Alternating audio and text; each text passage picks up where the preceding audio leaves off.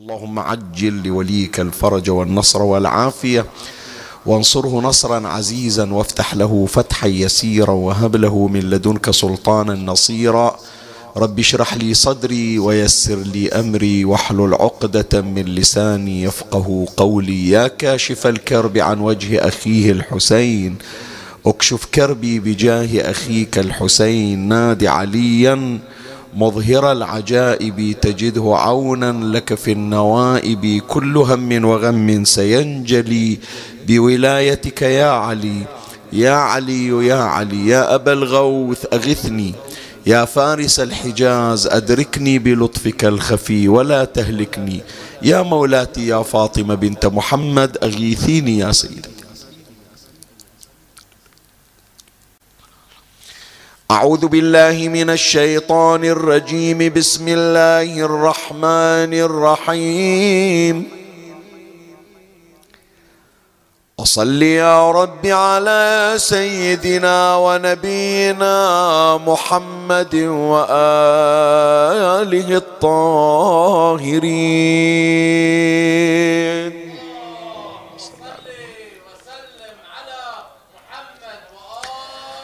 إن الله وملائكته يصلون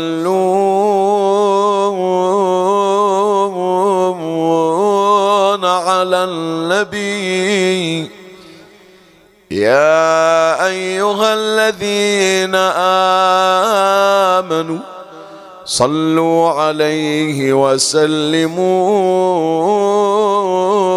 تسليما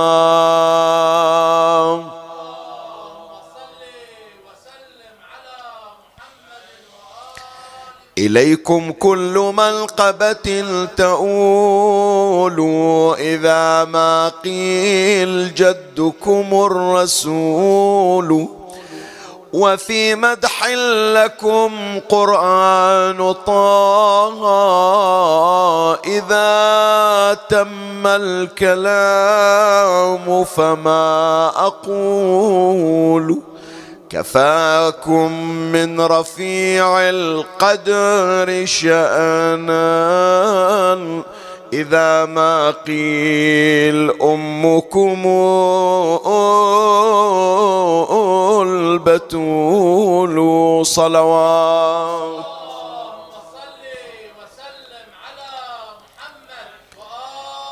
يا حبذا يا حبذا دوحة في الخلد نابتة ما مثلها نبتت في الخلد من شجر المصطفى أصلها والفرع فاطمة. ثم اللقاح علي سيد البشر والهاشميان سبطاه لها ثمر والشيعة الورق الملتف بالثمر صلوات.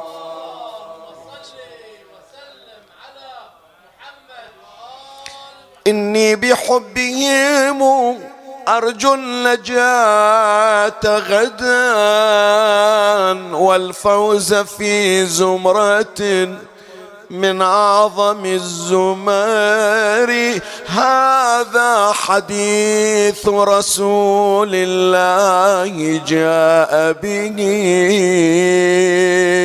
أهل الرواية في العالي من الخبر صلوات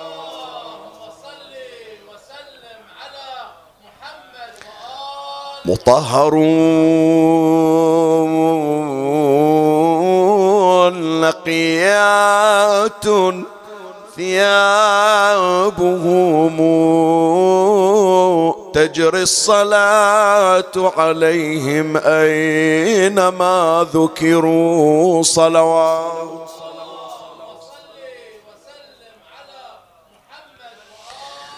والله لما بارك خلقا فأتقانه صفاكم واصطفاكم أيها البشر من لم يكن علويا حين تنسبه فما له في قديم الدهر مفتخر فأنتم الملأ الأعلى وعندكم علم الكتاب وما جاءت به السور صلوات.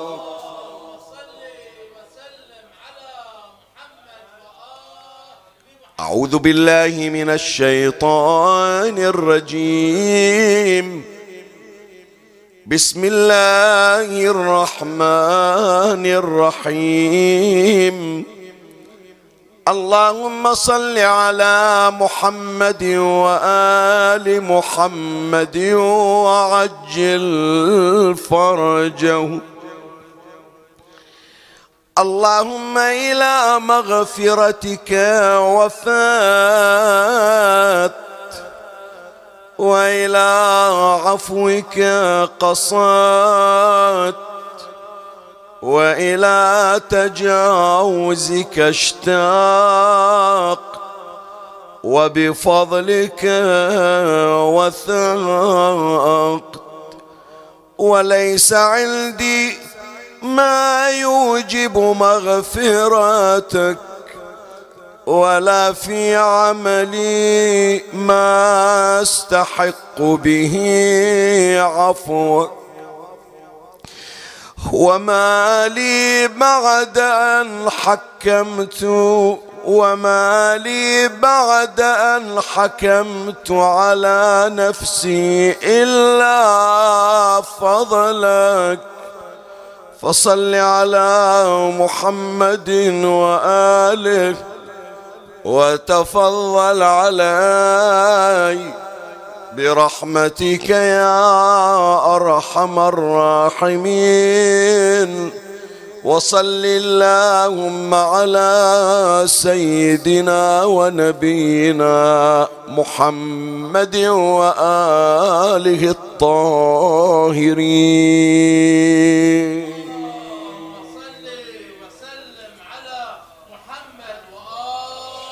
الثانية والثالثة بأعلى أصواتكم. اللهم صل على محمد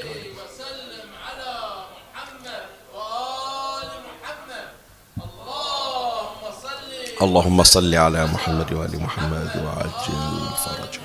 سيكون حديثي في هذه الليلة المباركة التي شملتنا برحمتين رحمة الله عز وجل في هذا الشهر الكريم. ورحمة كريم أهل البيت في ذكرى مولده إمامنا الحسن الزكي عليه السلام. أقول سيكون حديثي منقسما إلى مطلبين أتعرض لهما. أما المطلب الأول فسأقف معكم على فقرتين من هذا المقطع الشريف من دعاء مكارم الأخلاق ومرضي الأفعال للإمام علي بن الحسين زين العابدين سلام الله عليه. وفي هذين المقطعين أو وفي هذين الفقرتين سنحاول أن نكون أكثر قربا إلى الله عز وجل. وهذا ما يجدر بنا وهذا ما هو حري بنا وهذا ما نطمح ونصبو ونسعى إليه. أن نرزق في هذا الشهر الكريم انطلاقة القرب من الله تبارك وتعالى. لا أن يكون القرب فقط في هذا الشهر وإنما أن يكون هذا الشهر انطلاقة إلى قرب دائم وإلى فتح صفحة جديدة مع الله عز وجل وإلى خلق حالة من الندم والتأسي على ما فات في غابر الأيام. فمن خلال هذه الفقرات وهذا المقطع الشريف سوف نقف على بعض الأمور التي من شأنها أن تهيئ القلب للقرب من الله تبارك وتعالى. هذا ما سيكون في المطلب الأول إن شاء الله. فإذا تحصلنا على الحالة المرجوة والحالة التي نسعى أن نحظى عليها. يعني إذا واحد وفق أنه يصير عنده لحظة خشوع تصير عنده لحظة انكسار تصير عنده لحظة هزة. شوف الزلزال مو فقط في الأراضي لا. مثل ما الكرة الأرضية لا تمر عليها لحظة إلا وفيها زلازل فيها ما هو خفيف وفيها ما هو شديد وفيها ما هو مدمر. نفوسنا أيضا يا إخواني بحاجة إلى زلزال مستمر. بحاجة أول, أول شيء إلى زلزال مدمر. بسم الله عليكم من الشر. يدمر ماذا؟ يدمر جبال الذنوب التي تراكمت. يدمر ويحطم تلك الجبال التي فاقت قمة إيفرست من المعاصي والخطايا حتى صارت كترسبات على قلوبنا. لا نكاد أن تتحرك مشاعرنا نحو الله ولا أن تطرف عيننا للبكاء من خشية الله عز وجل. بحاجة إلى هزة بحاجة إلى زلزال قوي. كل هذه الترسبات كل هذا الصدأ الذي أخبر عنه أمير المؤمنين سلام الله عليه إن هذه القلوب تصدأ كما يصدأ الحديد. شايف أحيانا يجي إلى قطعة حديد صار لها مئة سنة تأثر عليها. تشي يشتغلون عليها شغل. كم سائل يجيبونه؟ تنار غير تنار. ينظفون. يحاولون يرجعونها جديدة. إحنا بحاجة يا إخواني إلى إزالة الصدأ من على قلوبنا بحيث بمجرد أن يقال هذا اللفظ الذي هو مكون من أربعة حروف ألف ولام ولام وها فنسمع لفظة الله. هذه الأربعة حروف لا تبقي ذرة في كيانك إلا وتهتز بمجرد مرور لفظ الجلالة على مسامعك. نريد أن نوقف عند هذه الحالة. فإن شاء الله أوفق معكم لنيل هذه السعادة ولأن نكون أكثر قربا من الله تبارك وتعالى. هذا ما أطمح إليه وما أسعى إليه في المطلب الأول. فإن وفقت له هناك أنتقل إلى المطلب الثاني. والذي يحوي مجموعة من صور وملامح عبادة إمامنا صاحب هذه الليلة. الإمام الحسن الزكي عليه السلام. شوف الليلة ذكرى الإمام سلام الله عليه. الخطباء كلهم مشتغلون على قدم وساق. المؤسسات الدينية قائمة على قدم وساق. همها أن تشير إلى سيرة الإمام الحسن عليه السلام. لكن الأجمل يعني ذكر سيرته جميلة وكيف لا تكون جميلة وهو سيد الجمال. لكن الأجمل من الجميل أن تختار من السيرة ما يلبي حاجاتك. وأن توظف من السيرة المطهرة ما أنت بحاجة إليه لا سيما في هذه اللحظات وفي هذه الساعة. شلون شيخنا؟ أنا أقول لك هل هناك شيء من القول ومن الكلام أجمل من القرآن الكريم؟ لا أجمل الكلام لأنه كلام الجميل وهو الله تبارك وتعالى. لكن مع ذلك القرآن يشير الذين يستمعون القول فيتبعون أحسنه. القول ما هو؟ هو القرآن. طيب المفترض أن القرآن كله على رتابة واحدة على وتيرة واحدة على حسن واحد. ما عندنا آية في القرآن حسنة وآية أحسن منها. كلها في الحسن واحد. لكن توظيف الآيات هو اللي يخلي الحسن أحسن. شلون؟ إيه. هو صح القرآن جميل. لكن توظيفه في غير موضعه. شلون؟ انت جاي تبارك لواحد في معاريس.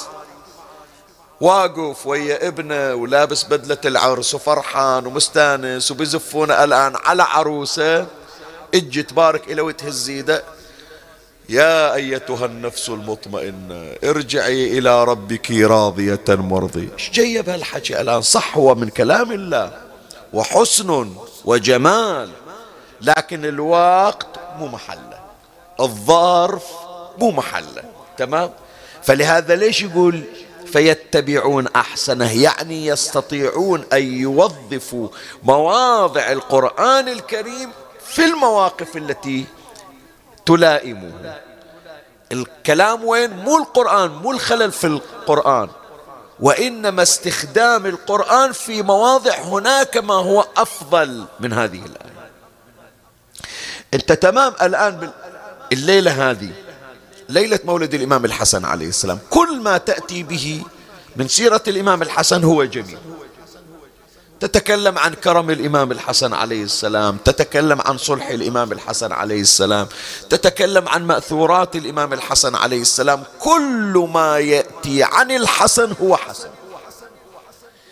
لكن لما تعرف بأنه أنت في شهر رمضان وبحاجة إلى تقرب إلى الله عز وجل فتجد بأن المادة التي تقربك إلى الله من سيرة صاحب الذكرى الليلة. صح هو حسن لكن هذا التوظيف يكون أحسن.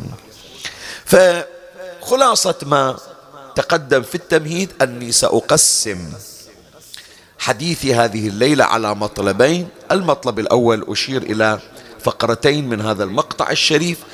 وفي المطلب الثاني أشير إلى صور وملامح وشذرات من عبادة إمامنا الحسن عليه السلام. هذه هي خطة بحثي لهذه الليلة ومن الله أستمد العون والتوفيق. ومن مولاي أبي الفضل العباس المدد وألتمس منكم الدعاء ولذكر إمامنا الحسن عليه السلام ولإمامنا صاحب العصر والزمان عجل الله فرجه الشريف ولأمه سيدة نرجس بنية قضاء الحاجة ولحضور مولاتنا الزهراء عليها السلام. في مجلسنا هذا ثلاثا بأعلى الأصوات صلوا على محمد وآل محمد. اللهم صل على محمد وآل محمد. اللهم صل وسلم على محمد وآل محمد.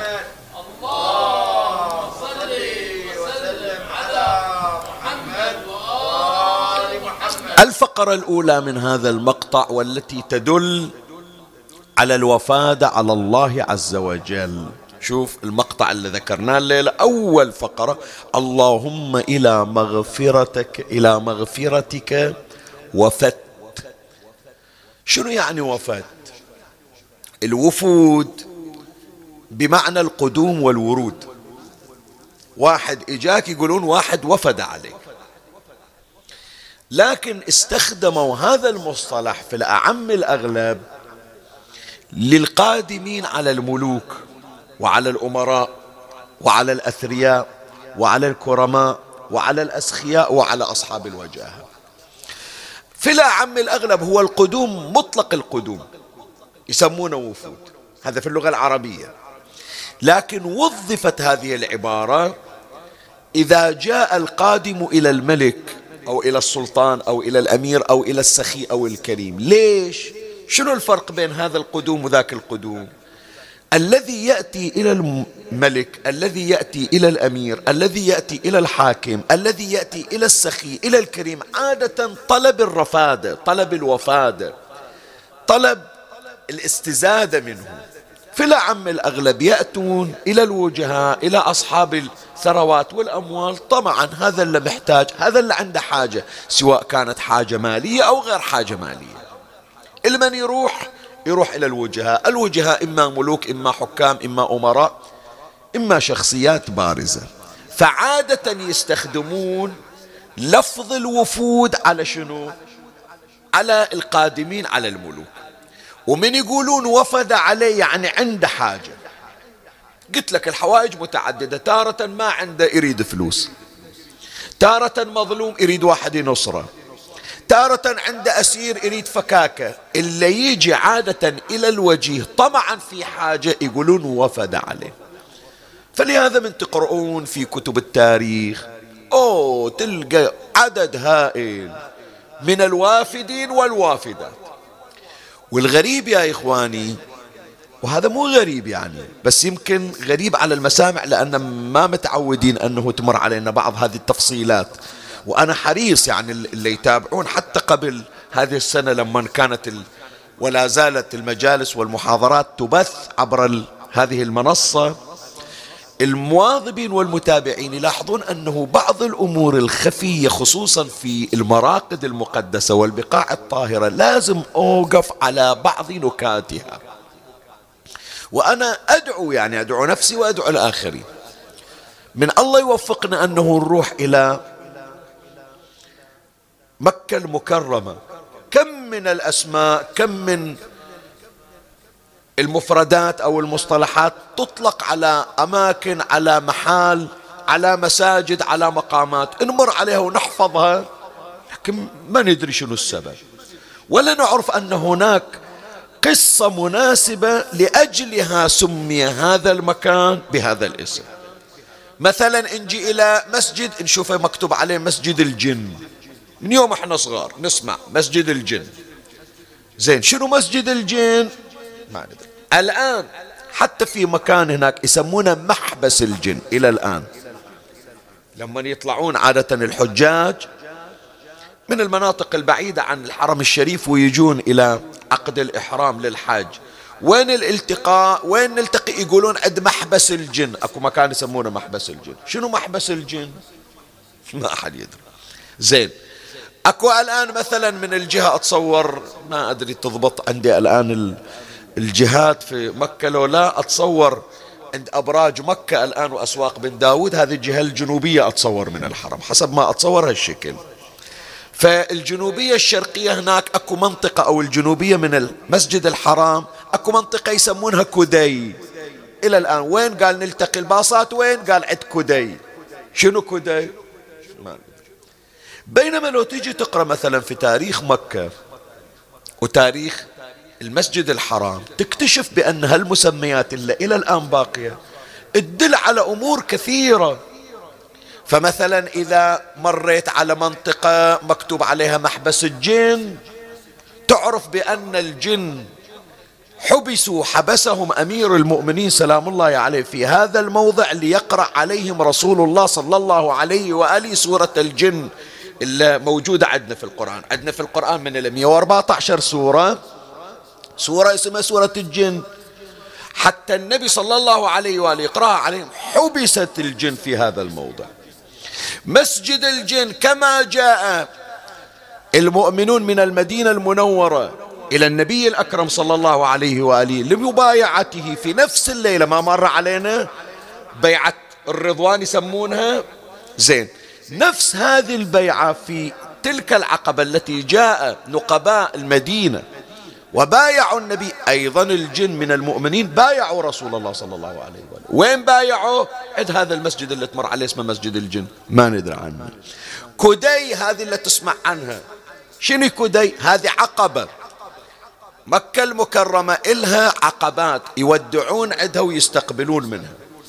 مثل ما المدينة المنورة إلها عقبة يودعون الطالعين رايحين إلى الحج أو المسافرين من المدينة ويستقبلون اللي جايين. ما موجود عندنا؟ طلع البدر علينا من ثنيات الوداع. شنو ثنيات الوداع؟ من يوم إحنا أطفال نحفظها. تسأل الآن شنو ثنيات الوداع؟ ما يدرون شنو ثنيات الوداع. تمام؟ ثنيات الوداع أكو هناك يودعون اللي رايحين إلى الحج يوصلونهم عادة إلى هذا المكان. زين. فمن تجي حتى إلى مسجد النبي صلى الله عليه وآله. توقف عند معالم كل هاي المعالم إلها قضايا وإلها بعضها أحكام مترتبة. مثلا خصوصا لأولادنا يعني اللي يروحون إلى زيارة النبي صلى الله عليه وآله. مفروض أنه يعرفون هاي المواطن. يجي يصلي في الروضة الشريفة. بعضهم ترى ما يدري تدري لولا يجي إلى المسجد على باله كل مسجد وانتهى. فيوصل مثلا عند المسجد القديم عند قبر رسول الله صلى الله عليه وآله يشوف من هالصوب أكو فرش أكو كاربت أحمر. أكو هالصوب لا يتغير الكاربت يتغير الفرش يتغير تتغير الزولية يصير أخضر. ليش؟ هذا حتى يعطونا علامة أنه هذا المكان الروضة المقدسة. ما بين قبري ومنبري روضة من رياض الجنة. مو تمام؟ يشير راسه يشوف أساطين في المسجد النبوي. اسطوانة اسطوانة اسطوانة اسطوانة يشوف من بين الأساطين اسطوانات مكتوبة عليها أسماء مثلا اسطوانة اسمها اسطوانة التوبة اسطوانة أبي لبابة. اسطوانة اسمها اسطوانة الحرس. اسطوانة اسمها اسطوانة السرير. اسطوانة اسمها الاسطوانة المخلقة. اسطوانة اسمها اسطوانة التهجد. اسطوانة اسمها اسطوانة عائشة. اسطوانة اسمها اسطوانة الوفود. هذا اللي هو موضع شاهدنا. شوف وين جبتك أنا الآن. شنو هذه اسطوانة الوفود؟ رسول الله صلى الله عليه وآله دائما من يطلع من البيت يجي يقعد يسند ظهره عند هذه الاسطوانة يسند ظهره الشريف عند هذه الاسطوانة فأي شخص من الأشخاص عنده حاجة إلى النبي يقصده حتى ما يأذون المصلين وحتى ما يضايقون اللي يقرون قرآن استقبال الوفود وين؟ عند هذه الاسطوانة إلا جنابك يمكن تمر عليها وتشوف ولا تدري شنو السبب. ويمكن البعض ما يكلف نفس العناء أنه يسأل. هذه اسطوانة يسند ظهره الشريف إليها نبينا محمد صلى الله عليه وآله.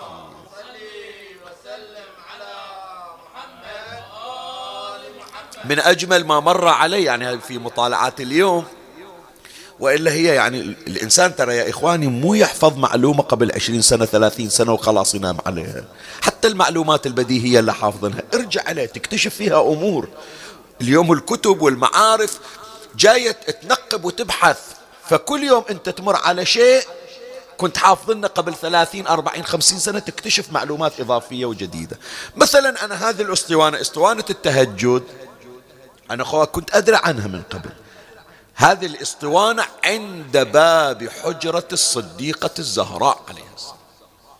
فمن يجي النبي صلى الله عليه وآله يصلي صلاة الليل وين يصلي النبي؟ عند باب حجرة الزهراء. شوف مع العلم عنده روضة وما بين قبري ومنبري روضة من رياض الجنة. لا يختار هذا الموضع. النبي يصلي صلاة الليل عند هذا الموضع. وعنده كما ورد في الأخبار حصيرة يفرشها ويصلي يعني مخلينها موضع عبادة. فكأنما أعتاب الزهراء عليها السلام أكثر إيصالا وتقربا إلى الله تبارك وتعالى. الجميل من مطالعات اليوم شنو؟ أنه مرة من المرات النبي صلى الله عليه وآله إجا وفرش السجادة عند أعتاب بيت الزهراء عليها السلام. المسلمون يصلون صلاة الليل في المسجد شافوا النبي اختار ذاك المكان فكلهم جاءوا يصلون عند أعتاب الصديقة الزهراء. شوف قد تقديرهم إلى بيت فاطمة إلى أعتاب الزهراء إلى التأسي برسول الله صلى الله عليه وآله. من خلال ما تقدم يا أحبتي شوف إحنا نحكي عن الوفود وعن الوفد.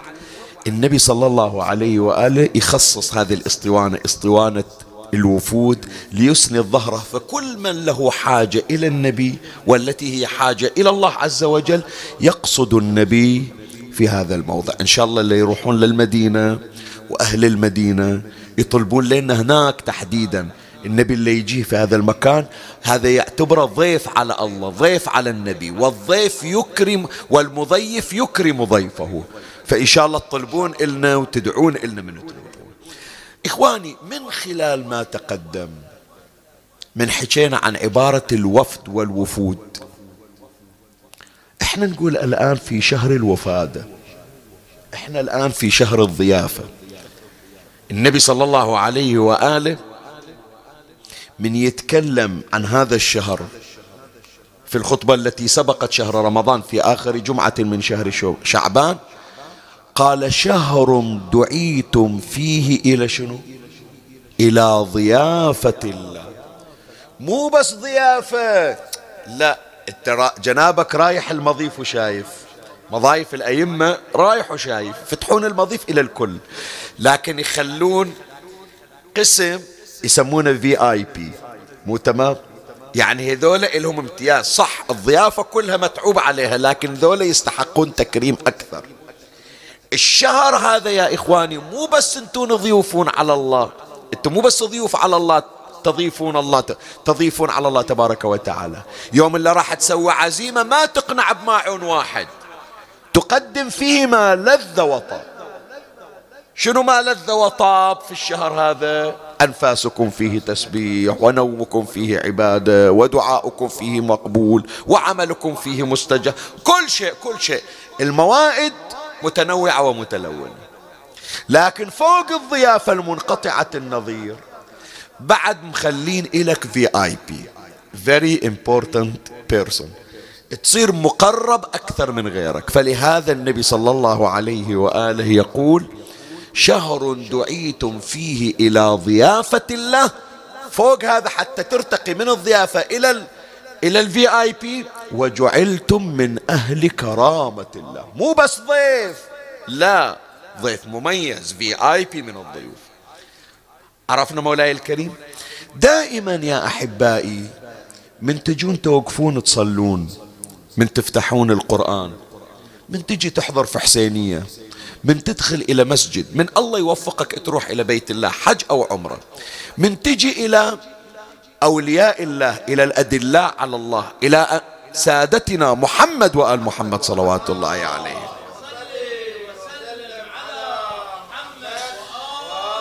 دائما من تجي لا تعتبر نفسك عابر لا. العابر هم يعطونه جنابك عطشان توقف على بيت ما تعرف تدق الباب يا جماعتكم قطرة ما يعطونك ما يردونك. تمام لو لا؟ لا تعتبر نفسك عابر. إيش تعتبر نفسك؟ ضيف؟ لا مو بس ضيف. لا ضيف مميز. لا ترضى لنفسك إلا أن تكون ضيفا مميزا.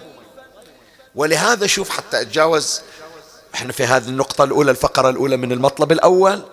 خلي أوديك إلى مكان ضيافة إلهية ثاني غير شهر رمضان. حج بيت الله الحرام. إحنا أصلا اللي رحنا الحج يسمون وفد الرحمن. مو تمام؟ ضيوف الرحمن. حتى من يوم إحنا صغار نشوف في التلفزيون وكذا. ضيوف الرحمن. وفد الرحمن. شوف الدعاء. هذا من أجمل الأدعية اللي ممكن أن تقرأها في أيام الحج. الله يرزقنا وإياكم. ترى من ضمن الطلبات في شهر رمضان كل ليلة تدعي بشنو؟ وارزقنا حج بيتك الحرام في عامنا هذا وفي كل عام. دعاء الافتتاح تقرأه وراه يجي هذا الدعاء مباشرة.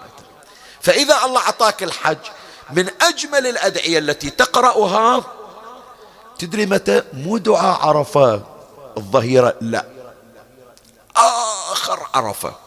شفتوا السنوات الأخيرة من نخلص يوم عرفة ونطلع من الخيام ونروح ننتظر القطار يتحرك ياخذنا إلى المشعر الحرام إلى مزدلفة. وانت واقف في وقت غروب الشمس أكو دعاء دعاء للإمام سلام الله عليه عند غروب شمس يوم عرفة. خلي أقرأ لك الدعاء. وتذكر دائما شوف الإمام سلام الله عليه ما يقول. الآن خلص الحج عرفة ويوم عرفة خلص. هذه الشمس قاعدة تغرب. الإمام إيش يطلب وش يدعو إيش يعلمنا. يقول بسم الله الرحمن الرحيم اللهم صل على محمد وآل محمد. اللهم لا تجعله آخر العهد من هذا الموقف.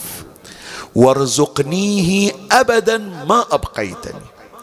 واقلبني اليوم مفلحا منجحا مستجابا لي مرحوما مغفورا لي بأفضل ما ينقلب إليه أحد من وفدك. هذول كلهم ضيوفك. أنا ما أريد أصير ضيف عادي.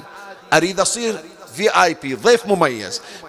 بأفضل ما ينقلب إليه أحد من وفدك. وحجاج بيتك الحرام. واجعلني اليوم هذا اللي إحنا نقوله. وجعلتم من أهل كرامة الله. واجعلني اليوم من أكرم وفدك. عليك وأعطني أفضل ما أعطيت احد أحدا منهم من الخير والبركة والرحمة والرضوان والمغفرة. وبارك لي فيما أرجع إليه من أهل أو مال أو قليل أو كثير. وبارك لهم في وصل على محمد وآل محمد.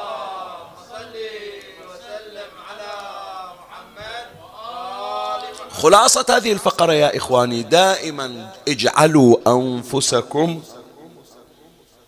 من أهل وفادة الله من أهل ضيافة الله وحتى تكون ضيف على المضيف لابد أن تراعي حرمة الضيافة. جنابك فتحت المضيف فتحت المجلس حياكم. تفضلوا اليوم إحنا مسوين عزيمة حياكم. بس هذا الضيف من إجا أخاف أقول بس ضيف سيء أدب سيء خلق. قعد وقام يطالع على الحرمات يطالع على عرضك ذاك. صان الله أعراضنا وأعراضكم. خليه له الطردة إذا هو مو حافظ حرمة المكان ولا حرمة صاحب المكان. زين أنا مكر منك أنا الآن قاعدينك على السفرة. قاعد تطالع في الأمور الشخصية وفي عرضي ليش؟ تمام لولا زين شيخنا وين التطبيق؟ وين الإسقاط؟ أنا أقول لك هذول أخواتك هذول البنات اللي في الشارع حتى الوحدة العاصية منهم هذه محسوبة على الله. هذول يسمونهم عيال الله. فأنت لما تطالع عرض واحدة أو هي تطالع عرض واحد ترى لا يتصور بأنه متجني عليها متجني على حرمة رب العالمين. هذه الله خالقنا حتى لو عصت إلها توبة مضمومة. انت تيجي وتترجى من الله الضيافة والكرم وقاعد مرتكب للفحشاء مرتكب للجرأة على الله عز وجل. قبل لا تكون جرأة على فلان وفلتان. قبل لا تحكي على واحد في شهر رمضان. قبل لا تطالع صورة إلى واحدة حتى لو بذلت نفسها. كن على يقين بأنك بعد أن ضيفك الله في شهر رمضان هتكت حرمة الضيافة. فجئت تخدش وتهتك عرض الله تبارك وتعالى. صار مولاي الكريم واضح هذا المطلب؟ فهذا القسم الأول أو الفقرة الأولى. ثم نأتي إلى الفقرة الثانية حتى نتجاوزها نكمل حديثنا. غريبة الفقرة الثانية يا إخواني. الإمام سلام الله عليه يطلب من عندنا طلب. الإمام زين العابدين يطلب من عندنا طلب. الآن لو نسأل وين المحكمة موجودة في البحرين؟ في المنطقة الدبلوماسية تمام لو لا؟ كل واحد يدلي المحكمة وين موجودة. الإمام يقول لك سوي لك محكمة. المحكمة هذه لنفسك. واجعل نفسك قاضيا على نفسك. لا أنتظر متى يوقفوني في المحشر ويجيبون الدفاتر ويرفعون إلي تقرير النيابة يا شيخ ياسين سويت كذا يا شيخ ياسين عملت كذا. لا. كن أنت قاضي نفسك. واصنع لنفسك محكمة تحاكمها. فإذا حطيت نفسك في موضع المحكمة وجعلت نفسك قاضيا شنو الأثر اللي راح تحصله؟ الأثر اللي راح تحصله تجيك مكرمة. غير اليوم موجود عندنا إحنا جابوا المتهم. القاضي حكم عليه لأن جناية خطيرة بالإعدام. وقع القاضي على حكم الإعدام. يلا نفذوا قال لا. نصعد ورقة الإعدام إلى جلالة الملك. ليش؟ إذا وقع ذيك الساعة ينفذ حكم الإعدام. تمام لو لا؟ فقد تأتي مكرمة. فهنالك ذلك المحكوم من الإعدام يعفى عنه. أنا الآن خليت قاضي. من المتهم؟ أنا. ومن القاضي؟ أنا. وقاضي ما ينرشى وقاضي ما ينغش وقاضي مو جاهل يعرف إيش سوى يعرف أعرف الناس بنفسك أنت. فلما أقول يا شيخ ياسين حتى لو ما حد درى عنك أنت سويت هالشكل ترى غلط تعرف أنه غلط تعرف اللي سويته حرام. زين عرفت أنك سويت الحرام؟ إيش تستحق؟ يا ربي أستحق العقوبة.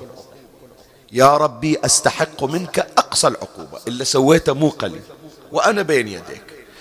إذا اعترفت لنفسك إذا حكمت على نفسك واعترفت على نفسك وقضيت على نفسك تأتيك المكرمة الإلهية من الله عز وجل. ما تصير أكرم من الله. أنت بنفسك قدمت نفسك إلى الله الله عز وجل يشملك بالعفو وبالمغفرة. تجيك المكرمة الإلهية. شوف فلهذا الدعاء يقول حكمت على نفسي. أنا القاضي. والمحكمة ما أروح أدور المحكمة. أنا المحكمة التي لا تقبل الرشا. وشوف أهل البيت عليهم السلام.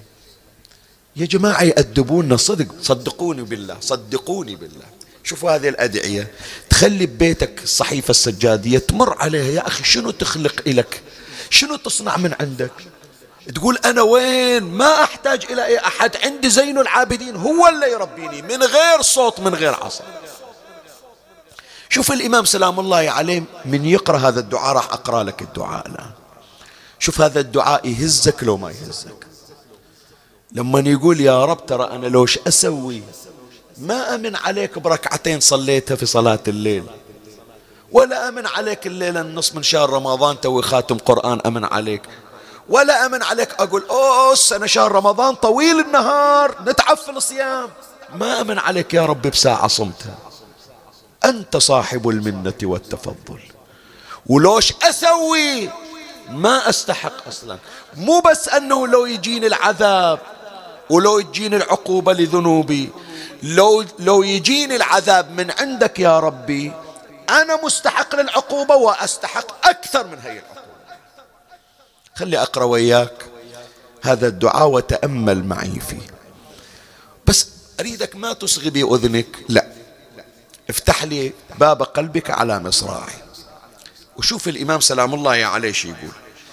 يقول يا إلهي يا إلهي لو بكيت إليك حتى تسقط أشفار عيني. الله أكبر. الله أكبر. شنو من تصوير؟ يقول مو دمعة دمعتين. لا هذه عيني. جفوني توقع. من زود البكاء. يا إلهي لو بكيت إليك حتى تسقط أشفار عيني وانتحبت حتى ينقطع صوتي وقمت وقمت إليك حتى تنتشر قدماي. يعني لحم رجليني يتناثر. من الوقفة. وركعت لك حتى ينخلع صلبي. وسجدت لك حتى تتفقأ حدقتاي. يعني من زود السجدة عيني بعد تنفق. وأكلت تراب الأرض طول عمري. وشربت وشربت ماء الرماد آخر دهري. وذكرتك خلال ذلك حتى يكل لساني ثم لم أرفع طرفي إلى آفاق السماء. استحياء منك ما استوجبت بذلك محو سيئا ما أستاهل يا رب تغفر لي. أنا أقول لروحي ما أستاهل تغفر لي. ليش؟ لأنه متجري عليك يا ربي. استحياء منك ما استوجبت بذلك محو سيئة من سيئاتي. وإن كنت تغفر لي حين استوجبت مغفرتك وتعفو عني حين أستحق عفوك فإن ذلك غير واجب لي. ما أستاهل. أنا ما أستاهل لكن أنت الكريم. شوف إحنا بأمثالنا شو نقول؟ نقول أنت كريم وإحنا نستاهل. الإمام لا الله يقول حشاه مولاي يعني بس يعلمنا إحنا العصاة. يقول أنت الكريم وإحنا ما نستاهل.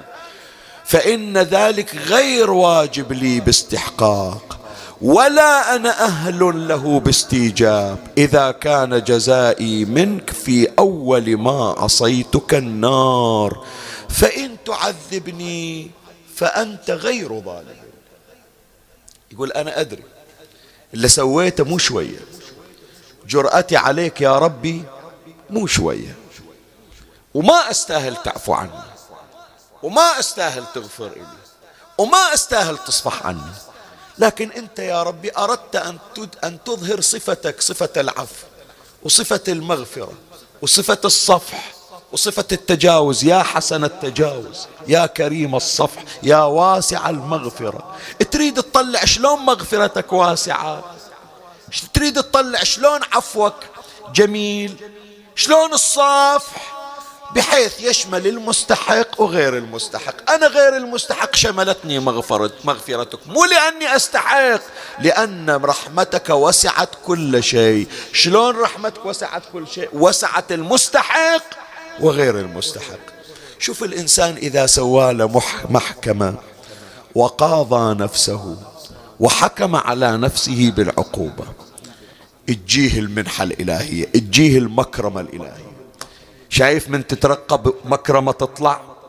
أنه فلان المحكوم عليه بالإعدام قبل لا يحطون السيف على رأسه. شايفين لولا؟ مر عليكم بعض من المشاهد بيقيمون عليه الحاد وهذا السياف واقف على رأسه. وإذا يجي عفونا عنه. شنو من فرحة تصير ذيك الساعة؟ شوف اسمع رب العالمين إذا من عليك بالكرامة كرامة المغفرة. هي الرواية حاولوا تسجلونها يا إخواني. هي الرواية حاولوا توثقونها وتسجلونها. وبين فترة وثانية من تقول الله يمكن ما يغفر إلي استرجع هذه الرواية لأنها فعلا تهز القلب. خطاب رب العالمين إلى البشر إلى العصاة من البشر. يقول يا ابن آدم إنك ما دعوتني ورجوتني غفرت لك. على ما كان فيك ولا أبالي. شنو عندك ذنوب؟ أغفرها أنا الغفار. يا ابن آدم إنك ما دعوتني ورجوتني غفرت لك على ما كان فيك ولا أبالي. اسمع أبو علي. يا ابن آدم لو بلغت ذنوبك عنان السماء ثم استغفرتني غفرت لك ولا أبالي. مو تقول والله بيتنا مشحون ذنوب. لو ذنوبك إلى السماء موصلة رحمة الله أوسع. هذا السطر هذا اللي أقول لك اللي يهز. يا ابن آدم لو أتيتني بقراب الأرض خطايا. لو عندك مثل ما نقول إحنا جراب أو جفير أو مرحلة بقد الكرة الأرضية كلها ذنوب. لو أتيت يا ابن آدم لو أتيتني بقراب الأرض خطايا ثم لقيتني لا تشرك بي شيئا لآتينك بقرابها مغفرة. قد الدنيا ذنوب قد الدنيا مغفرة من الغفور الرحيم. فالليلة يا إخواني انطلاقا واستكمالا لا تشك أن الله ما يغفر لك يغفر. بس يريد من عندك ها خطوة. خطوة واحدة. من الليلة قل يا الله قل يا الله حرك رجلك نحو الله من تقدم إلي شبرا تقدمت إليه ذراعا. ومن تقدم إلي ذراعا تقدمت إليه باعا. بس خطوة قل ما بدي بشتغل. رب العالمين يأخذ بيدك ويعينك على ذلك إمامنا قائم آل بيت محمد.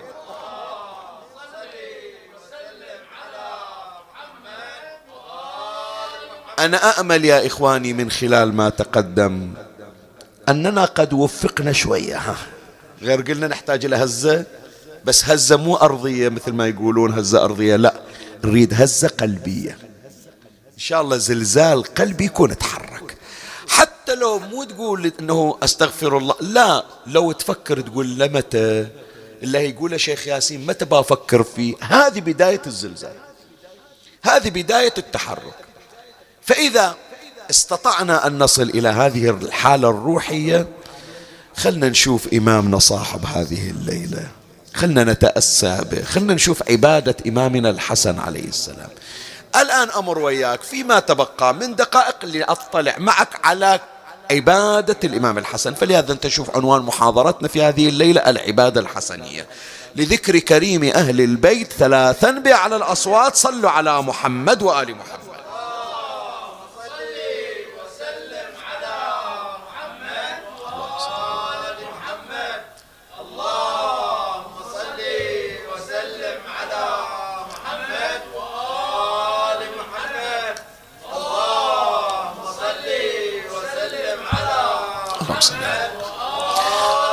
ما يطالعنا في عبادة الإمام الحسن عليه السلام عبادته في الحج.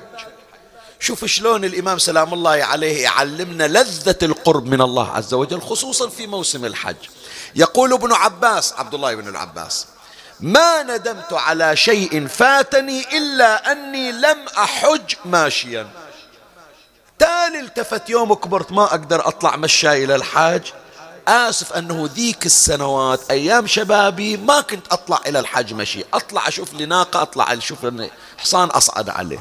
قالوا له ليش؟ قال ولقد حج الحسن بن علي عليه السلام خمسة وعشرين مرة ماشيا وإن النجائب تنقاد معه.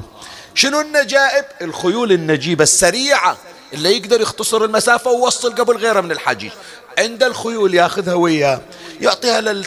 إذا شاف واحد ضعيف. ليش ما تقدر شوي تستعجل؟ يقول سيدي بعد شوفت عينك هذه الدب خلي الدابة أخذ هذا الخيل. إلك بألف عافية. وروح إلى الحج حتى ما يفوتك الحج. ليش السنة مالك عزم تروح الحج؟ ما عندي وسيلة إيصال. تفضل هذه خيل. زين أنت يا ابن رسول الله؟ قال لا. أنا أطلع إلى بيت الله شوف 450 كيلو متر تقريبا مشيا على الأقدام. هو ويا الإمام الحسين عليه السلام. كلاهما يخرجان ماشيين. يقولون له يا ابن رسول الله عندك الخيول اصعد وروح. شوف كلمة الإمام سلام الله عليه. إني أستحي من ربي عز وجل أن ألقاه ولم أمشي إلى بيته. شنو؟ ليش ما أمشي إلى الله؟ صح تعب لكن المال يسوى. هذا المشي إلى أثر إلى أثر نوراني في الخطوات. ما أقول أنه اللي رايح بطائرة أو بسيارة أو رايح مثلا كذا بالباص أو بالقطار ما إلى ثواب إلى ثواب. لكن الأجر على قدر شنو؟ على قدر المشقة. فاللي يحصل توفيق أن يمشي لله ويحصل نورانية من نوع خاص. وهذه النورانية التي نجدها عند سادتنا الأطهار سلام الله عليه. بعد قال أيضا من ضمن ما عند إمامنا الحسن عليه السلام. من صور العبادات شوف الإمام إيش قد عاشق للأذكار والأوراد يعني حياته مو والله ينتظر متى يجي وقت الصلاة. لا. حياته كلها أذكار وأوراد حتى في وقت نومه. حتى في أموره الحياتية العادية. شوف. فلهذا ينقلون. كان الإمام الحسن عليه السلام إذا آوى إلى فراشه بالليل أتي بلوح منقوش. جميلة جدا. والله جميلة. أتي بلوح منقوش. فيه سورة الكهف. فيقرأها. عنده مسوي له لوح قطعة خشب وكاتب عليها سورة الكهف. يا إخواني يا أحبائي إن شاء الله الليلة تحاولون تسوونها يعني. وأنا أتمنى تنفذونها بهالصورة هذه. إذا عندك ورد إذا عندك ذكر إذا عندك دعاء حاول تسوي لك كراس حاول تجيب لك دفتر وتكتب بعض الأذكار وبعض الأدعية وبعض السور بخط يدك وخليها عندك في وقت النوم. خو شيخنا عندي الكتاب عندي الموبايل أخليها في النوت عندي الآيب لا. اكتبها الإمام سلام الله عليه ترى حافظ القرآن القرآن في صدورهم.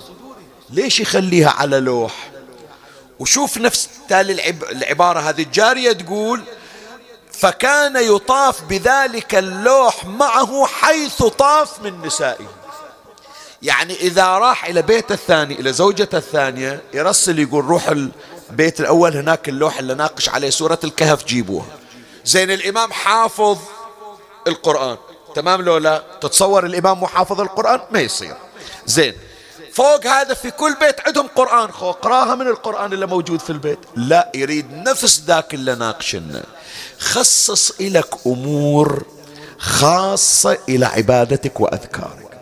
هذه تقول أنا شيء مدورنا شيء تعبان عليه شيء باحثنا شيء أنا بنفسي قاعد أشتغل عليه. يعني أنت مهتم بهذا الكنز. من أجمل يعني من أجمل الشواهد حتى أتجاوز هالنقطة السفير الثاني محمد بن عثمان بن سعيد العمري السفير الثاني للإمام الحجة عجل الله فرجه الشريف. مخلي له دفتر. شوف لما أقول لك حتى تعرف النكتة النورانية. حتى توصل لكم يا إخواني وتنفتح قلوبكم صلوا على محمد وآل محمد.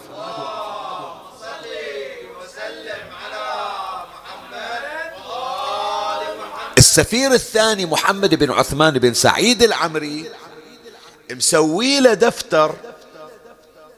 حتى في الروايات تقول أن هذا الدفتر أحمر كراس أحمر. كل دعاء يحس بأن إلى أثر مجرب يطلع من الكتب أو من الرسائل ويخليه بهذا الدفتر.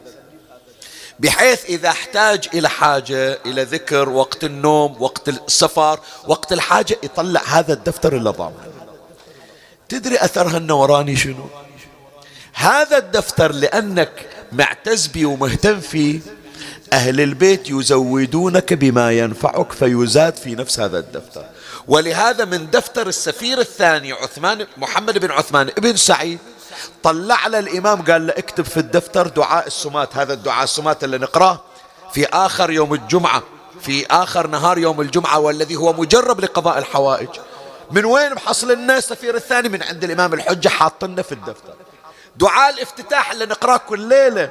السفير الثاني الإمام عطاء قال له هذا خليه في الدفتر لأنك أنت تهتم في الأوراد المقربة إلى الله عز وجل. فأنت لما تخلي لك دفتر تخلي لك كراس تخلي كل دعاء كل ذكر كل ورد.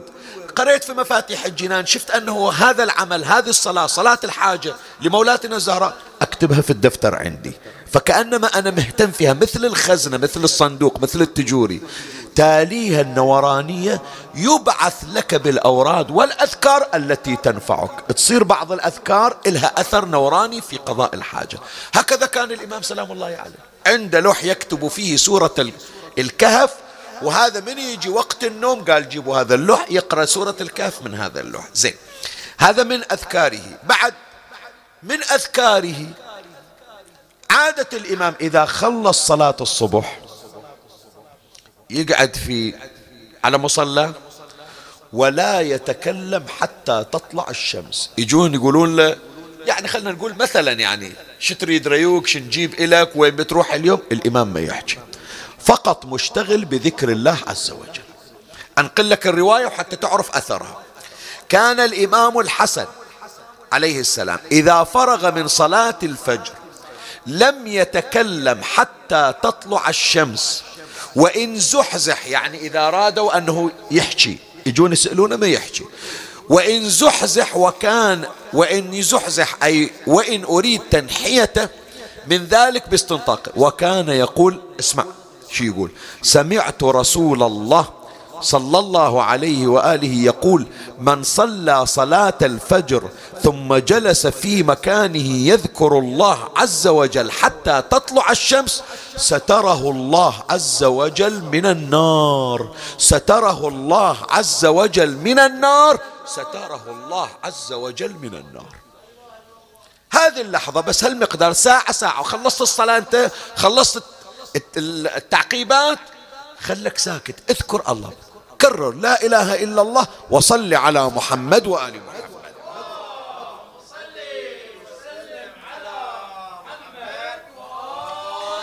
هذه استثمروها يا إخواني هالفترة الإمام يقول أنها ستر من نار جهنم. أجارنا الله وإياكم من نار جهنم. بعد تعال شوف الإمام الحسن عليه السلام كيف كان ينقطع إلى الله تبارك وتعالى. خلي أذكر لك الرواية.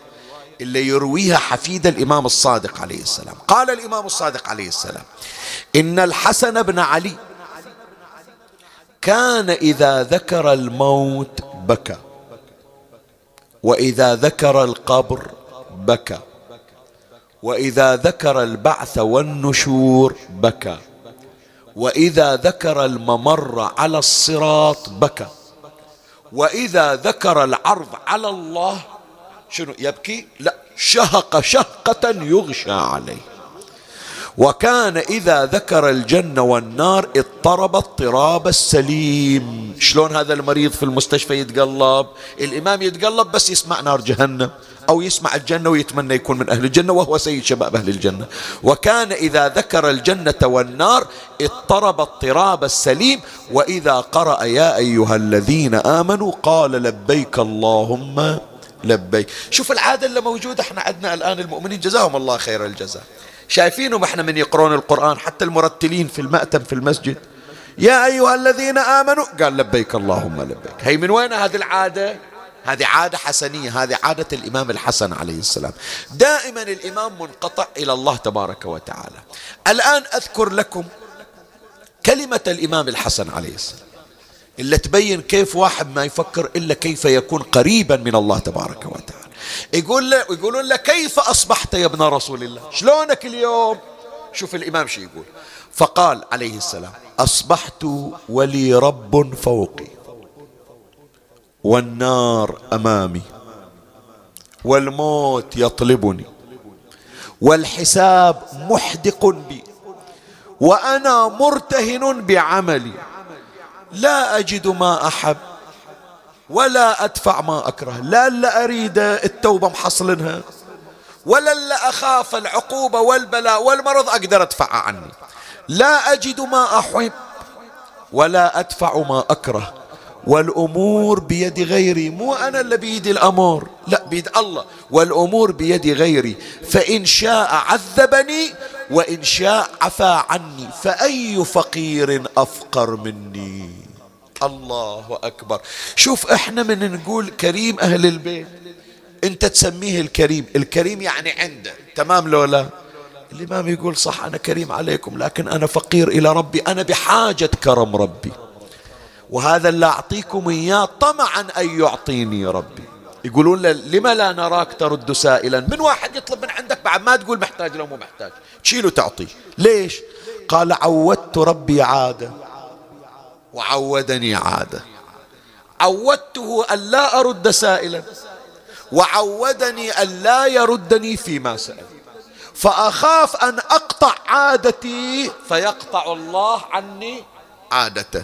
أنا قلت له يا ربي أي واحد يجي ما راح أرده بس يوم اللي أطلب من عندك لا تردني. فشوف كان من تقول كرم الإمام سلام الله عليه كريم أهل البيت بمقدار كرم الإمام يحس نفسه فقير أمام الله. إذا الحسن سيد شباب أهل الجنة يقول أنا فقير. إحنا يا جماعة ما عندنا بضاعة نقول. لكن استشعر الفقر إلى الله الله عز وجل يفيض عليك بكرمه. وختاما خلاص مجلسنا اكتفى وصلنا ساعة الآن. بس أبين لك كيف كان الإمام الحسن عليه السلام إذا حان وقت الصلاة. شو يسوي؟ إيه إيه. شوف قولة الله أكبر عمي الأذان واحد لكن الحسن واحد. مو كلها الحسن يا سيد. الأذان واحد هي الله أكبر. لكن أكو واحد مو مبالي. أكو واحد وإذا قاموا إلى الصلاة قاموا. كسالى. وأكو ناس مثل الإمام الحسن مثل الإمام الحسن عمي ذول النوادر الذين وفقهم الله لأن يتأسوا به ويحتذون به. شوف إذا جاء وقت الصلاة الإمام الحسن عليه السلام شيء يصير بحاله؟ أول شيء قال كان الإمام الحسن عليه السلام إذا أراد أن يتوضأ مو بيصلي لا لا بيسبغ الوضوء. كان الإمام الحسن عليه السلام إذا أراد أن يتوضأ تغير لونه. قامت ألوانه تقلب. تغير لونه. وارتعدت فرائصه. فسئل عن ذلك. يقولون له مريض؟ قال لا مو مريض. إيه ليش عاد متغير ألوانك؟ ليش ترتعد فرائصك؟ قال إني أريد القيام بين يدي الملك الجبار. لا إله إلا الله. إجي سيارة الشرطة. مو جاية إلك. بسم الله عليكم من الشر. رايحة إلى بيت واحد مطلوب يودون له حضارية. يشوفون سيارة الشرطة الناس تخترع ترتعد. يقول ما أدري صار من عندي شيء مسوي شيء خاف أنا بعد. ما أدري صدر من عندي شيء واحد بلغ وأنا ما أدري. يمكن جاية إلي. من تتباعد سيارة الشرطة تروح أشوى مو صوبنا أشوى ما مرت صوب بيتنا. دكتور رد علي كم سيارة شرطة لازم الله يدزها إلينا حتى نخاف من الله؟ شو تقول؟ كم محضارية لازم الله يطرشها إلنا حتى تصير عندنا حالة الرعدة الإمام سلام الله عليه يقول ترى في اليوم خمس حضاريات تجيني الحضاريات شنو هي؟ مو ورقة ولا سيارة نجدة. الحضارية حي على الصلاة. هي حضارية هي حضارية من عند الله. فلهذا شوف الإمام سلام الله عليه يقول إني أريد القيام بين يدي الملك الجبار. الله بيوقفني الآن بحكي وياه وبيحكي وياي إيش أقول لله؟ هذا عمي إذا كان سيد شباب أهل الجنة. إحنا أصحاب الخطايا والذنوب ما عسانا أن نقول. من وقف من شيل. تو شايل بقول الله أكبر بقول أصلي صلاة المغرب. جتني رن مال الواتساب. خلني أول بشوف إيش مطرشي عمي التفت إلى أين أنت واقف؟ وأمام من وقف؟ أعرضت عن الله فلو أعرض الله عنك. إيش بتسوي؟ لكن بعد رحمة أرحم الراحمين. حتى وإحنا إيه تتودد إليه كأن لك الحاجة. وإحنا محتاجين يا إخوان. على أية حال وهذه الرواية الأخيرة وروي عن الإمام الحسن عليه السلام قال أنه كان إذا أتى باب المسجد رفع رأسه وهو يقول إلهي عبدك ببابك. يا محسن قد أتاك المسيء وقد أمرت المحسن أن يتجاوز عن المسيء فأنت المحسن؟ وأنا المسيء فتجاوز عن قبيح ما عندي بجميل ما عندك يا كريم. ثم يدخل الإمام إلى المسجد فإذا وقف إلى الصلاة كان إمامنا ترتعد فرائصه إذا وقف في محراب الصلاة. الليلة يا أحبائي من اليوم نعاهد الإمام الذي نحن فرحون بذكرى ميلاده العطر. نعاهده أن نكون حسنين. على أقل التقادير الليلة. الليلة الليلة تجرد من كل شيء. ما يستاهل الحسن؟ يستاهل كل شيء. الليلة جرب أن تكون صلاتك صلاة حسنية. متى شيخنا صلاة الصبح؟ لا. الآن باقي تقريبا على منتصف الليل ولو مقدار ساعة ونص ساعتين. جرب ركعتين بس. انسى كل شيء. وحاول أن تكون في دخولك إلى الصلاة كما يدخل إمامك الحسن عليه السلام.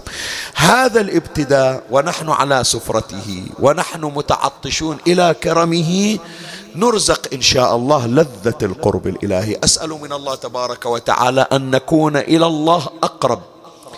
وإلى سادتنا آل محمد أحب وأن نحصل من إمامنا صاحب العصر والزمان عجل الله فرجه الشريف على نظرة لا نشقى بعدها أبدا. بحرمة الصلاة على محمد وآل محمد.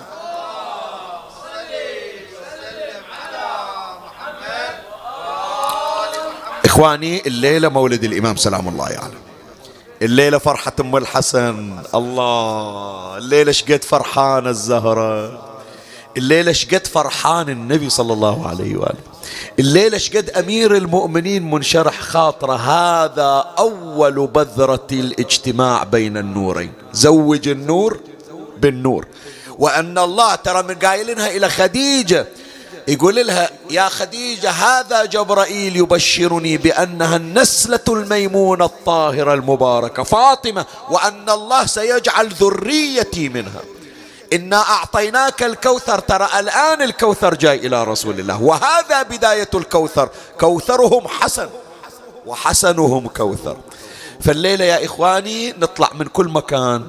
أهل البحرين أهل العراق أهل أهل أمريكا أهل الشرق أهل الغرب. وين ما كنتم الليلة مو في مكانكم. لا. الليلة في بيت علي وفاطمة. الليلة نشاركهم الفرحة. والليلة يا أخواتي الليلة يا, أهو يا بناتي الليلة يا أمهاتي. وقت الميلاد الشريف بمجرد وقوع الإمام الحسن أريدكم حتى ببيوتكم توقفون وتهللون وتجببون مواساة لمولاتنا الزهراء قولي لها مولاتي ترى إحنا وياكم. حتى لو باعدنا الزمان أو باعدنا المكان فإن قلوبنا قد اشتركت. مع قلوبكم. وأنوارنا إن شاء الله إن كانت لنا أنوار من ولايتكم فإنها ممزوجة بطينتكم وأنواركم. نسأل الله تبارك وتعالى أن يمن علينا وعليكم بقضاء الحوائج. الليلة تدعون إلى المرضى اللي وصونا بالدعاء.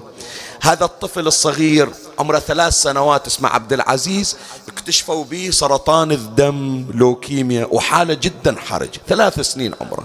وطالبين من عندنا أنه نذكرهم. هذه المريضة اللي اسمها مريم دول المرضى اللي موجودين في الجزائر كل أصحاب الحوائج اللي عدي بالمجلس اللي خارج المجلس الآن ويا المولد الشريف إن شاء الله. تعرضون حوائجكم على مائدة كريم أهل البيت وتبشرون إن شاء الله بقضاء الحوائج ثلاثا بأعلى الأصوات لذكر الحسن. صلوا على محمد وآل محمد.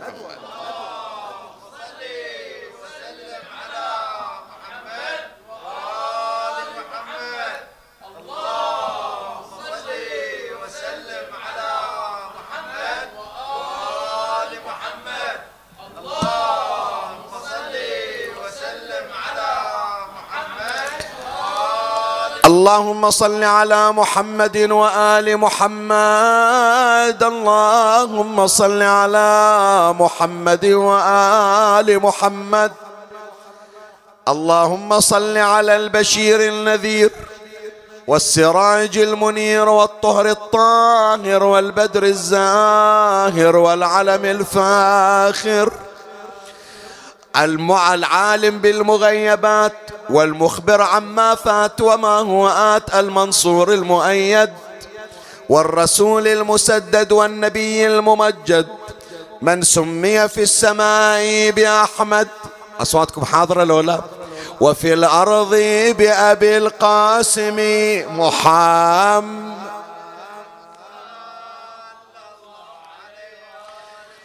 وفي ذلك يقول مادحهم أفلح من يصلي على الرسول وآل الرسول.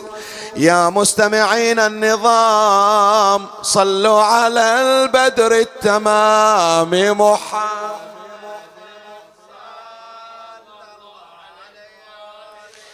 يا حبذا يا حبذا دوحة في الخلد نابتة.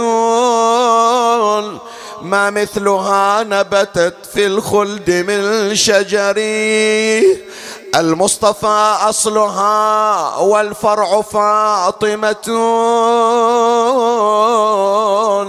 ثم اللقاح علي سيد البشر.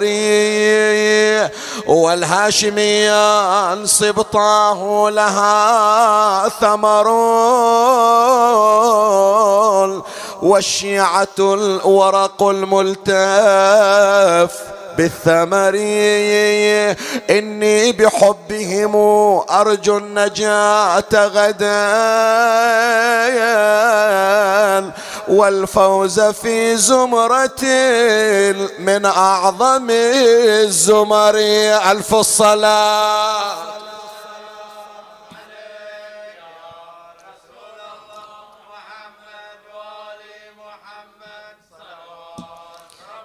اللهم صل على محمد وآل محمد رووا أنه لما تقدم أمير المؤمنين علي بن أبي طالب لخطبة سيدتنا فاطمة الزهراء بنت نبينا محمد.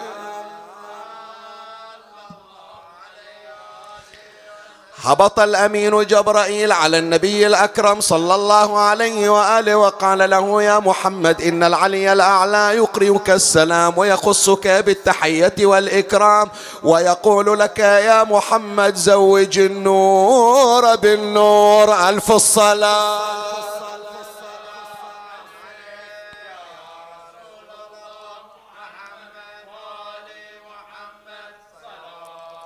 اللهم صل على محمد وآل محمد فزوج نبينا محمد صلى الله عليه وآله فاطمة ابنة من علي بن أبي طالب عليه السلام. ولما اجتمع النوران انعقدت هنالك نطفة إمامنا كريم أهل البيت أبي محمد الحسن الزكي سبط نبينا محمد. فلما انعقدت نطفته في رحم سيدتنا الزهراء عليها السلام أشرق النور من غرتها واحست في بدنها بخفة واتساعا حتى إذا أكملت أربعة أشهر.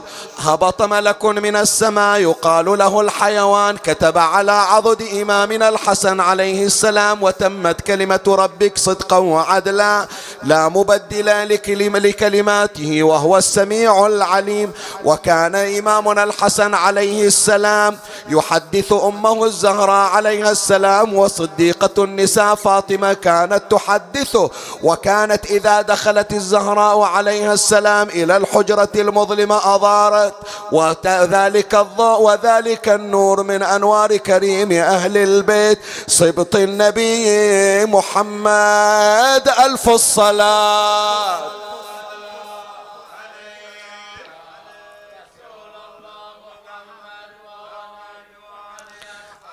اللهم صل على محمد وآل محمد. اللهم صل على محمد وآل محمد. اللهم صل على محمد وآل محمد. لا إله إلا الله محمد رسول الله علي ولي الله. بمحمد ختمت النبوة وختمت الوصية بإمامنا قائم البيت محمد. اللهم صل على محمد وآل محمد وكانت مولاتنا الزهراء عليها السلام تسمع الهواتف وتسمع البشائر فكان يأتيها هاتف ويقول لها هنيئا لك يا فاطمة بشراك فقد حملت بغلام حليم عليم صبط النبي محمد. حتى إذا أكملت مولاتنا الزهراء عليها السلام تسعة أشهر من حمل ولدها الإمام الحسن أقبل إليها ذلك اليوم نبينا محمد. فقال لها يا فاطمة إذا ولدت بولدي الحسن فلا ترضعي حتى آتي إليك. ثم أمر النبي صلى الله عليه وآله أسماء بنت عميس وأم سلمة بأن يكن مع الصديقة الزهراء فاطمة. حتى إذا جاءت ساعة الميلاد المبارك أمر الله تبارك وتعالى الجنان بأن تتزين وأمر الحور العين بأن تصطف صماطين بالتسبيح والتقديس كرامة لمولى مولود يولد في بيت النبي محمد.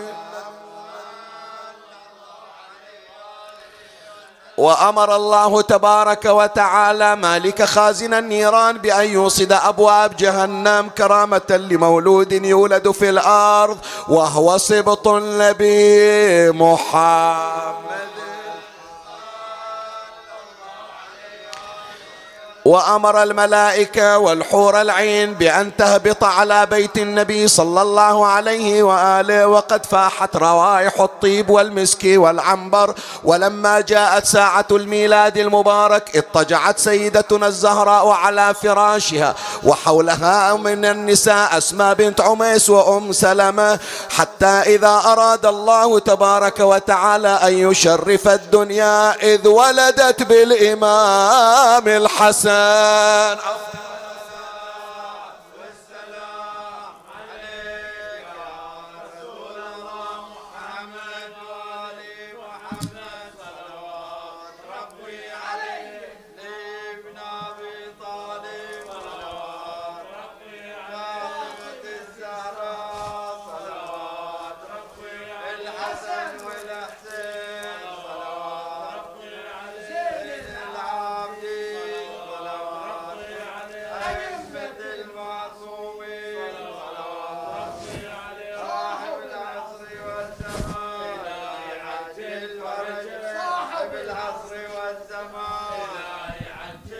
أزالت أزالت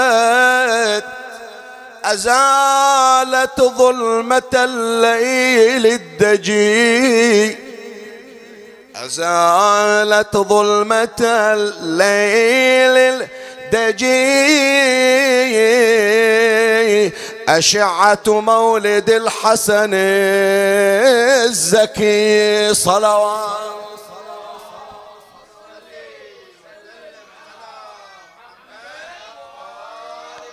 وجاء بلطفه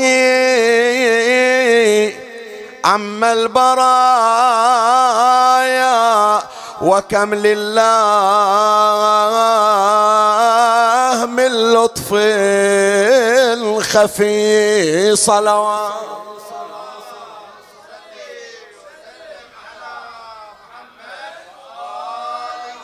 وقد فرحت وقد فرحت بمولده البرايا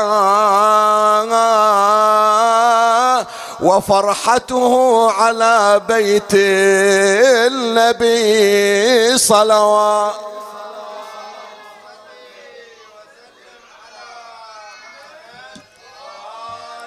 حلاوة بناتنا عليهم بالعافية فرحونا ونفرحهم. خليها البيتين شوية مو من عادتنا نقرأ الجلوة. بس فرحة الحسن تستاهل. إن في الجنة نهرا من لبن إن في الجنة نهرا من لبن لعلي وحسين وحسن. لعلي وحسين وحسن. يلا وياي. إن في الجنة نهرا من لبن. إن في الجنة نهرا منو لعلي وحسين وحسن لعلي. آه حب أهل البيت فرض عندنا.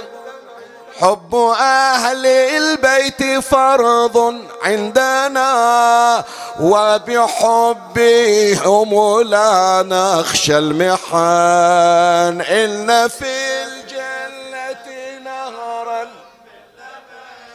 إن في الجنة نهرا. لعلي وحسين وحسن لعلي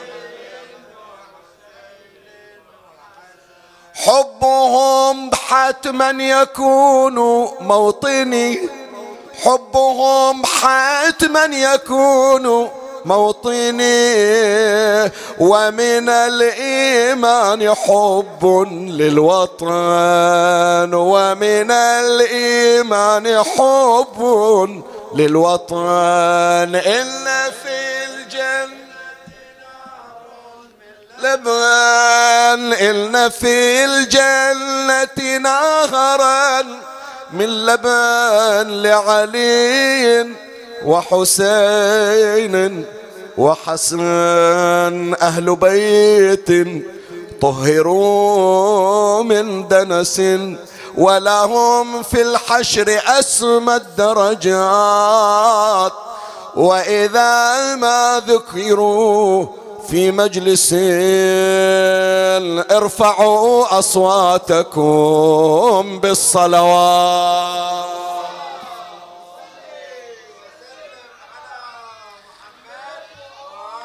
يلا مريوم زهور كلكم صيحوا. أفضل الصلاة والسلام. إيه؟ يا رسول الله. وين أصواتكم؟ صلوات صلوا على علي بأعلى الأصوات علي بن أبي طالب. فاطمة الزهراء أسماء أهل البيت حرز لكل داء وبلاء. الحسن والحسين زين العابدين. محمد الباقر. جعفر الصادق موسى الكاظم. عشاق الرضا علي الرضا محمد الجواد علي الهادي الحسن العسكري. يا الله. صاحب العصر والزمان.